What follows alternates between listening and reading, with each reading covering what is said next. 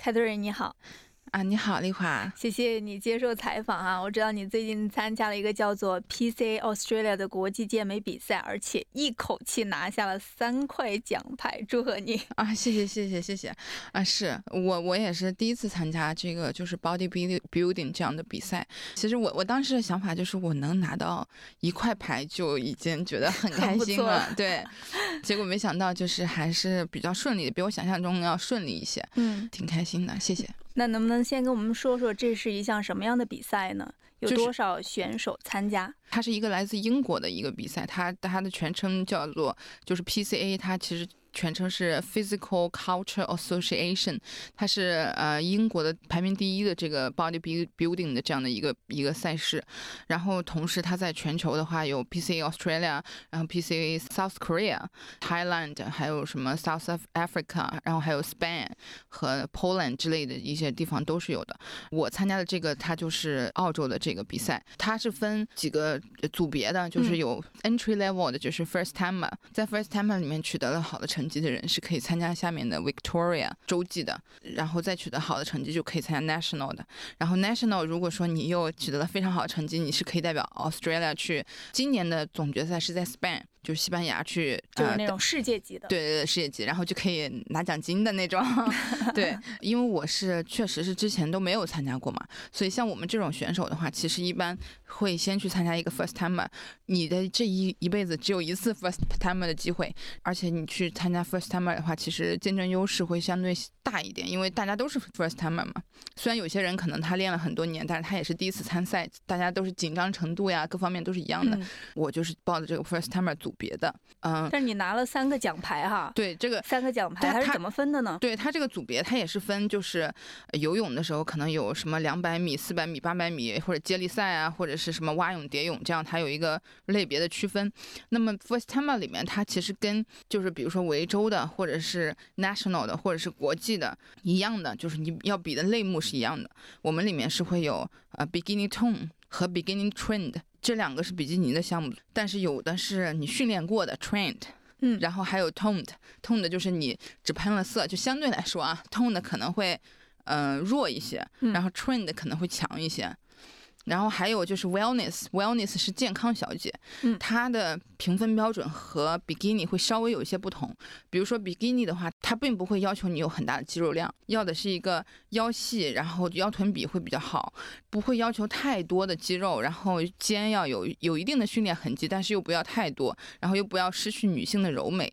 它整个的就是要的是一个就是线条比较好看的这样的一个比赛。它 wellness 呢，它就是健康小姐，它的。评分标准相对来说会有一定的不一样，Wellness 它就不要求你上肢跟臀的那个比例那么完美，但是它对下肢的要求会比较高，它会希望你的腿能练得更好一些，臀腿，然后肌肉的分离度会更大一些，然后会就是在这个组别里面你就会更加的有优势。那我报了三个组，报了。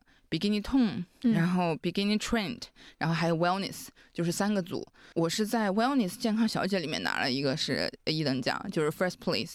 然后在 Beginning trend 拿了一个一等奖。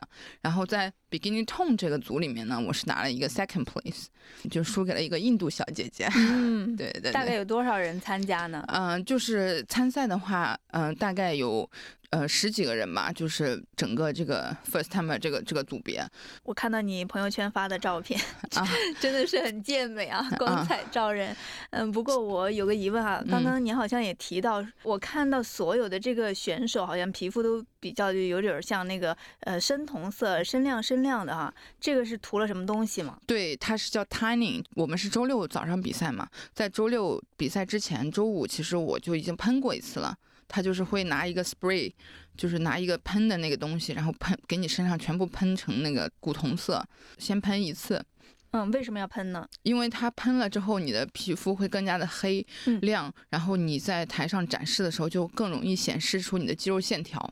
嗯，如果你很白，你很白的话，可能你的肌肉线条就没有那么明显嘛。嗯，我之前自己还想过说，是不是灯光嘛打下来，是不是要涂的黑黑一点，然后才能看得特别清楚？对，灯光打下来是一方面，但是如果你要是就是完全没有 tanning 的话，其实你也是会没有优势的。因为我自己要参赛嘛，所以我会关注这个。然后我有的时候会看到有一些别的比赛，比如说国内的有一些比赛，或者是其他地国家和地区的一些比赛，嗯，他们的运动员。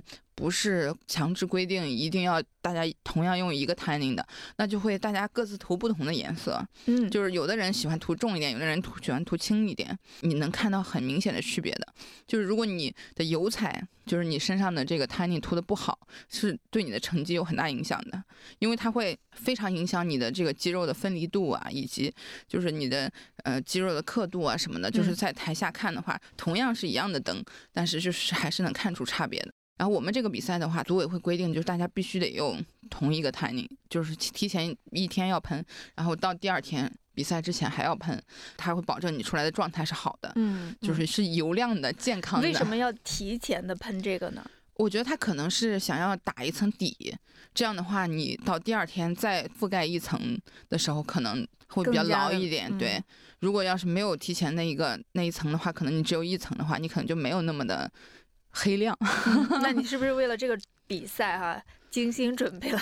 对对对对对，我我的那个我就属于那种就是我处女座的，我特别喜欢就是做事情讲究完美，甚至我有的时候我觉得我反省我自己，我常常会过度准备，比如说我我的比基尼的赛服的选择，就款式的选择、颜色的选择、造型的选择，然后其实我是短发。但是我为了就是当天那个形象能好看一点，所以我给自己设计了一个芭比的造型，就我穿的那个战服也是粉色的，然后我我还给自己。做了那个 hair extension，就是长发，给自己设计了一个造型。脚指甲是什么颜色？然后手指甲是什么颜色？我都是想好的。我的眼影是什么颜色？然后我耳坠要选什么款的？就是我就是说，就从头到脚都给准备好了。对对，我会就是一定我一定要给自己就是要准备好。为这个比赛准备了多久？大概？呃，其实总共备赛的话是有二十周的时间。呃，我的情况是相对来说会比较特殊一点的，就是很多人他是。本身就是健身，嗯的一些人，然后他去比这个赛。其实我一开始就是只是减个肥而已。嗯，以前在读书的时候，我是一直都有健身的，但是后来我就工作了嘛。然后我做 marketing 的工作，然后我的工作就很忙，然后又加上疫情的时候，我就把我的那个 gym 的那个健身房的，对对，健身房那个就停掉了。然后又加上就是年年纪也上去了，就代谢可能也比以前要要慢了，不知不觉长胖了很多。但是我自己其实是不自知的，因为我是做 marketing 工作的，我会经常会有一些活动，我的摄影师就会给我很多反图。之后我看到那些反图，我就想说，这人是我吗？我怎么这双下巴这么严重呢？怎么这能这么？胖，胖了多少？胖了二十多斤，就是最高的时候体重已经一百四十多斤了。然后我就觉得我不能再这样下去了，那我就去找到了我的教练，就我教练他叫 Rock Lee，之前他是有开了一个减肥训练营的这样的一个项目嘛，我同事有去，然后他说很很有效果，因为他之前在那边一个月是有减五公斤嘛。去了之后呢，就是其实真的就对一切都是缘分。然后 Rock 他从见到我第一眼，他就跟我说，Catherine，你那个参加健美比赛吧。你肯定能拿奖。那个时候我一百四十多斤，你知道吗？然后我觉得他在忽悠我，我觉得简直就是天方夜谭，怎么可能？穿上鞋一米六三，不穿鞋大概一米六二点五，真的，一百四十多斤嘛。然后就觉得。不可能的事情啊！他说你的身体条件非常好，就是你你是很有天赋的，你是天赋型选手，所以你只要认真的练，就是好好吃，你肯定是可以的。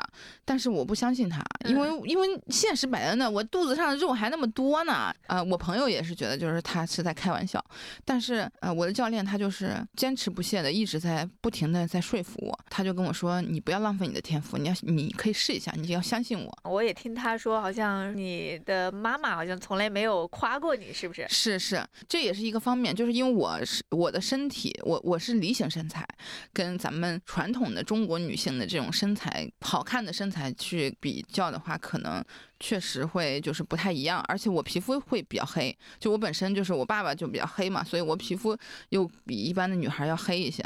然后我小的时候，我妈就一直说，觉得我长得丑，然后觉得我屁股太大了，觉得我腿太粗了，然后觉得我肤色太黑了。你知道，就是小的时候，她带你去洗澡，嗯，我妈每次她都会拿那个搓澡巾给我把身子给搓破，就每一次都是破的，因为她觉得你太脏了，要给你洗干净。就是他觉得你很黑嘛，他要给你洗干净。说实话，你会不会有心理阴影？是有一点的，小时候是真的有点自卑的，就是我就是觉得，嗯，我妈天天说我丑，天天说我胖，然后天天说我就是黑。然后，那我是不是因为你小小朋友的认知就全部来自于父母对跟你的那个，你自己是没有你自己世界的嘛？然后可能也是到了后来，就是慢慢你自己我自己出来上学，然后我得到更多的认可，然后慢慢慢慢才矫正自己，知道哎，我也这样，也是一种美。我就是也想让就是证明给我的母亲，就给我妈妈看一下，就是其实我这样也是一种美，就是我也会被认可。然后后来呢，就开始正式训练了。对，后来就是，我就想说，我当时想就是，哎，行吧，咱就试试吧，是吧？既然教练天天这么说，而且我也知道他是拿过成绩的嘛，就是他也确实是在健身这个领域，就是健美这个领域拿到过很多很好的成绩的。而且我也观察一段时间，我发现他确实没有见个女的就跟人家说，哎，你要去比比健美。所以我就想说，那我姑且相信他一下吧。我当时想的就是，即使我最终不能够成功，那我最起码。我可以减个肥嘛，哪怕减个五公斤也是好的嘛，对吧？那开始了之后，他就给我制定了很严格的就是训练的计划和饮食的计划。这件事情之所以能成，最让我骄傲的事情就是。我是严格按照他给我的计划去进行的，就是我一周要训练五天，每一次训练要训练三个小时以上。我一般都是周一到周五工作日去训练嘛，但是有的时候可能因为工作的原因，所以导致我可能某一天晚上没有办法，我必须得去忙工作的事情啊或者什么，那我就会周六周天的话会找一天就是弥弥补上这个，所以我我的训练是一直都有的。不管刮风还是下雨，不管你身体是什么 状况，坚持。对，不管你今天想不想练，因为有的时候就是你的身体是非常疲惫的，你每一天。练三个小时，其实我觉得是非常有点过度了，就是，嗯，但是你为了在短时间内打造你的肌肉嘛，那没办法的。那你有没有想过放弃的时候？有，我想说的就是，有的时候就是真的很累。有一次我记得印象非常深刻，我坐在车里，我我已经到健身房门口了，我就停在那个健身房的门口了，然后我坐在车里坐半个小时，给自己做心理建设。你去吧，去吧。心里面怎么挣扎？我就想说，你去吧，练完就可以，练完就好了，练完就能回家了，快去。另外一部分自己就是，我真的太累了，凯芬，我不想练了。但是我还是，嗯，怎么说呢？我就是还是最终我还是坚持了。什么信念 让你把这个车门打开？就是我觉得我既然做了，这就是我我既然做这件事情，我就把它做好。如果是因为我这一次训练没有训练好而导致我最终没有拿到奖牌，那我会后悔一辈子的。但是。嗯，我已经尽量去做了，我还没有拿到奖牌，那我就无怨无悔了。就这是训练嘛，然后另外还包括饮食也是非常苛刻的，所以就一直在克扣自己，就是，然后就是体重一直在降，一直在降，然后变化也会也是很明显，就是后面所有健身房的人每次看到我，你知道，就是我们那个健身房里面有很多的人，他可能，呃，上周来了一次，然后过了两周又来一次，然后等他第二次来的时候，他看到我，他哇。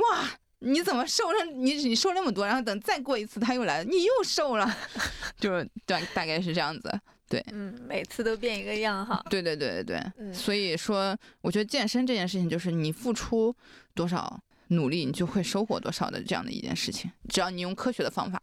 之前我听你说，好像锻炼到一定程度都怀疑自己是不是身体出了问题，对不对？对对对，其实我我我说实话，不是很建议大家像我这样啊，就是如果你不是为了参加健美比赛啊，你只是为了健康的话，你其实还是要循序渐进的。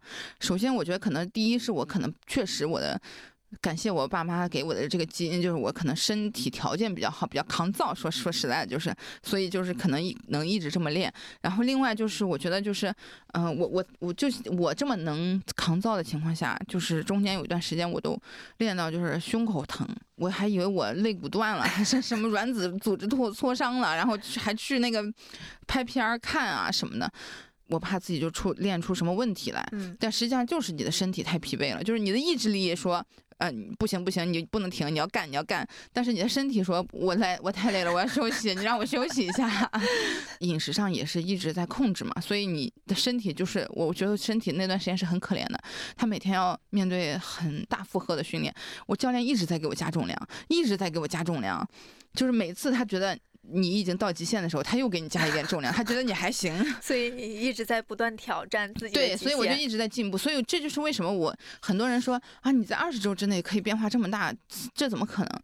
就是如果你要是做到我那个强度，你也可能的，就是因为我不是说就是去随便练练的，就是我每一次去练都是我觉得在突破我的极限，然后对，又加上吃的比较少嘛。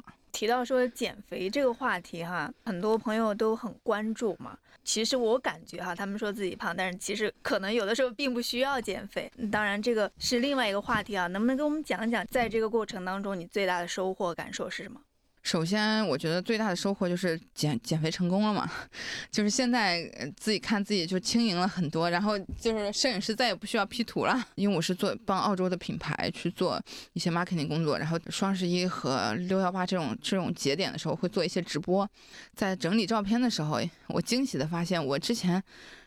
六幺八的时候和双十一的时候穿的是同一件衣服，因为那个品牌的颜色是蓝色，所以我只有那个蓝色衣服就那几件，所以我就很巧合的是我那那个那个六幺八穿衣服和双十一穿是同样的衣服，然后我就把两张照片拿放在一起一对比，你就很明显的看到就现在整个人就薄了很多。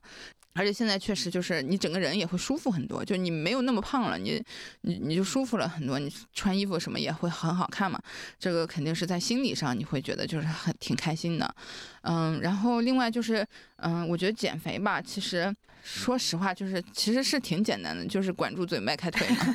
但是真正能做到的话，就是还是需要很强大的毅力。对，需要很强大大的毅力的同时，我觉得还需要科学的方法，因为其实很多人他可能。他之所以做不到，是因为他的方法可能不太科学。就是我，其实我整个减脂的过程，虽然我我减脂的时间是非常长的，我从一百四十多斤到我比赛的时候只有五十公斤，其实中间是减了有二十公斤的这个体重出去嘛。嗯，真正就是不到二十周，可能刚开始的一两周还会今天吃个牛油果吧，明天就是觉得嗯公司有聚餐吃一口吧，就是还是有这种心态的。可能到后面你就会非常严格，我后面就是严格到就是不管什么饭局什么场合，我都是自己带饭盒的。我之前跟一个品牌的 CEO 吃饭，我也是自己 拿个饭盒出来，然后我说不好意思，我要参加 body building，所以我现在要吃自己的饭。然后他说哦，respect，对，对，大概是这样子。那我觉得就是科学的方法是很重要的。就是其实我整个过程当中，我是不是那种就是非常饿，就是因为很多人他减肥他就会。嗯，要饿饿的前胸贴后背，然后可能早上起来意志力非常坚强，然后中午的时候还能凑合，然后到晚上的时候就，哎，我吃呢还是不吃呢？吃呢还是不吃呢？啊，哎，我受不了了，然后可能就会暴食，然后就会进入这样的一个状态。其实这样是很不健康的。你要有一个科学的搭配，科学的体系，然后你可能要多吃一些蛋白质啊，把整个热量算好呀，多吃一些圆形的蔬菜啊什么之类的。其实你的饱腹感是强的，就是你的身体它是不饿的，它而且你也不要吃太多的就是那个升糖指数太高的食物，就不要让你的这个胰岛素升来升去的，那你可能你你就会食欲就会稳定很多。所以我整个过程当中，我觉得我是没有很痛苦的，就是我没有那种就是没有受饿，对我没有挨饿，我没有那种 前胸贴后背，我太饿了，我太饿了，没有，我我我其实一直都吃的饱饱的，然后我一天吃五顿，吃四顿饭。最开始的时候，我教练跟我说，你训练完了回去要吃饭，那个时候都九点多了，我想我这辈子都没有晚上，人家减肥，我们女女孩子减肥哪有九点晚上还吃饭呢？嗯，还要吃汗水，那那能不胖吗？然后教练说：“你相信我，你不会胖的。”结果确实没有胖。而且第二天上秤还瘦了，就是实际上它是一个，就是你它是科学的。当然，如果说你你的训练强度达不到的话啊，那也不建议晚上九点钟之后 再继续吃东西。所以整个就是说，其实你怎么吃怎么练，它是一个科学的体系。你要按照这个体系去练去吃，你才能够达到你想要的这个效果，就是所谓的无痛减脂嘛。嗯，对，大概。所以你减肥成功，而且变得更美了哈。嗯，谢谢谢谢。你的妈妈是什么反 应和态度？啊，其实我你说到这个的时候，其实我跟她通话，嗯，她说，嗯，那个我想给你做套衣服，她说我想给你做套西装，我说干嘛？因为我妈她会她比较胖，她很多衣服都是定制的。我说我不用，我说我现在可瘦了。然后他说对啊，我就是看到你的朋友圈了，所以我过来问问你现在那个把尺寸给我一下，我给你做套西装吧。我说嗯，我说不用不用不用，我说你们那个呃你们那个国内的那个风格吧，就是太奢华了，我说不太适合。我说我们这个土澳就大家穿穿运动服就可以了，不用不用。但是我能感受到他这是他对我肯定的一种方式。他觉得你身材挺好的。对。对他，这是他的一种方式。他可能不会像其他的母亲、妈妈一样说：“哎呀，我女儿真棒啊，或者怎么样。”他这种话他可能说不出口，他可能就用这个行动，对，用这个方式跟你说：“哎呀，我我看到你在做什么了。”然后，然后我妈还说了一句：“说哎，现在的年轻人真好，想干什么都能去干。”然后我说：“啊，是的呢。”对，所以其实我也，我也，我也，我也觉得，其实这这可能是他他在用他的方式在肯定我嘛。其实我内心也是觉得，就是嗯，很开心的。说实话啊，我觉得人都是有虚荣心的。当我就是发了那个朋友圈之后，可能那是我有史以来我所有的朋友圈里面点赞人数最多的。真的。对，然后而且还有很多的，就是我以前的，比如说高中的同学啊，或者是之前认识的人啊，他们会发私信，就是你能感受到他是真的很为你激动，很很开心，然后去跟你聊这个事情，说哇你好厉害啊，你怎么做到的，或者什么怎么样。他记得你以前的样子，以及你现在的样子，所以他就给我内心也得到了极大的满足吧。整个这件事情让我有一在我的人生观上会有一个呃加强，就是说你做一件事情，你好好去把它做，然后做到极致，拿到成结果，别人是能看得到的。对，其实现在这个社会，付出多少努力就能拿到多少成果的这种事情，其实不多了。就是健身，就是其中为数不多的一件。它为什么叫 body building？就是你其实你在雕刻你的身体，对自己有多狠，你付出了多少努力，其实你就能有多少收获。就是很很明显的就在你的身体上能够体现出来的。不确定的生活里面，还是需要一些这种确定的事情，能给你你的人生增加一些信心。对，说的非常好。嗯，呃，另外我还还想问一下，之前你也提到你有偶尔去健身房，健身房的这种训练跟健美的这种训练有什么区别呢？其实他练的项目是一样的，只是说你的重量是不是一样的，以及就是你的强度是什么样子的。有些女生她对自己的要求可能相对来说没有很高，那她可能就不不需要上很很大的重量，或者是很多次数，或者是很多强度去练这个东西。那如果说有些人他说我是有要求的，就像我这种，并且我在短时间内就必须得要达到这样的效果，那可能我的重量以及我的次数。嗯，以及我的训练强度，你看我一天要练三个小时，那可能就跟别人是不一样的。那如果是有的听众朋友想要去尝试一下健美，你有没有什么建议呢？嗯，那就去吧。但是我个人觉得它是一个非常非常辛苦的事情。其实如果你只是说去健身房去锻炼身体，那我觉得是很 OK 的，没有任何问题，任何人都可以去。但是如果你是说我去参加一个健美比赛，那你为了当它成为一个。比赛一个 competition 一个竞争的时候，你就要跟别人竞争，对吧？那我可能要跟那个印度小姐姐竞争，或者是我要跟那个呃，就是这个 Aussie 小姐姐竞争。那我得保证我的体脂够低，然后我的形状能够出来。你比如说你练了很多肌肉，但是如果你的体脂很高的话，是看不出来的。你得把你的体脂降到很低的程度，你的肌肉的线条才能显现出来嘛。那你降体脂的这个过程其实非常辛苦的，就是 body building 这个健美这个项目，它是一个比赛的项目嘛。如果你想要去参加这个项目的话，那我觉得你可能是需要付出很大的辛苦和很大的代价，然后你能降到那个体脂，然后你要你要一直非常苛刻的饮食，才能够达到这样的一个效果。但是如果你说我只是去为了健身，为了让自己的线条更美，然后我我也做一些有氧，让自己的心肺功能更好，那我觉得是没有任何问题的。你赶紧去吧，现在就去，真的特别好，你动总比不动强的。听了你的故事之后，我想可能很多人已经蠢蠢欲动了。对的，我觉得姐妹们就是，嗯，我们的听众朋友们，不管你是小姐姐还是小哥哥，就是其实你去，嗯，就是多运动，就是现在我们现在的人啊，实在是太缺乏运动。其实身体的三大，呃，重要的这个这个元素就是睡眠、那个饮食和运动嘛。那其实很多人这三项都是有一有一些问题的。你会发现，有的时候你你越不运动，人反而更累。就是我之前有一段时间就工作太忙了嘛，就没有时间运动，反而会更累。哪怕就是你早上起来出去走一圈，对吧？然后你可能都会比你在家躺着要要好。所以咱们先动起来吧。对，动起来。对，谢谢，谢谢 Catherine。嗯，不客气。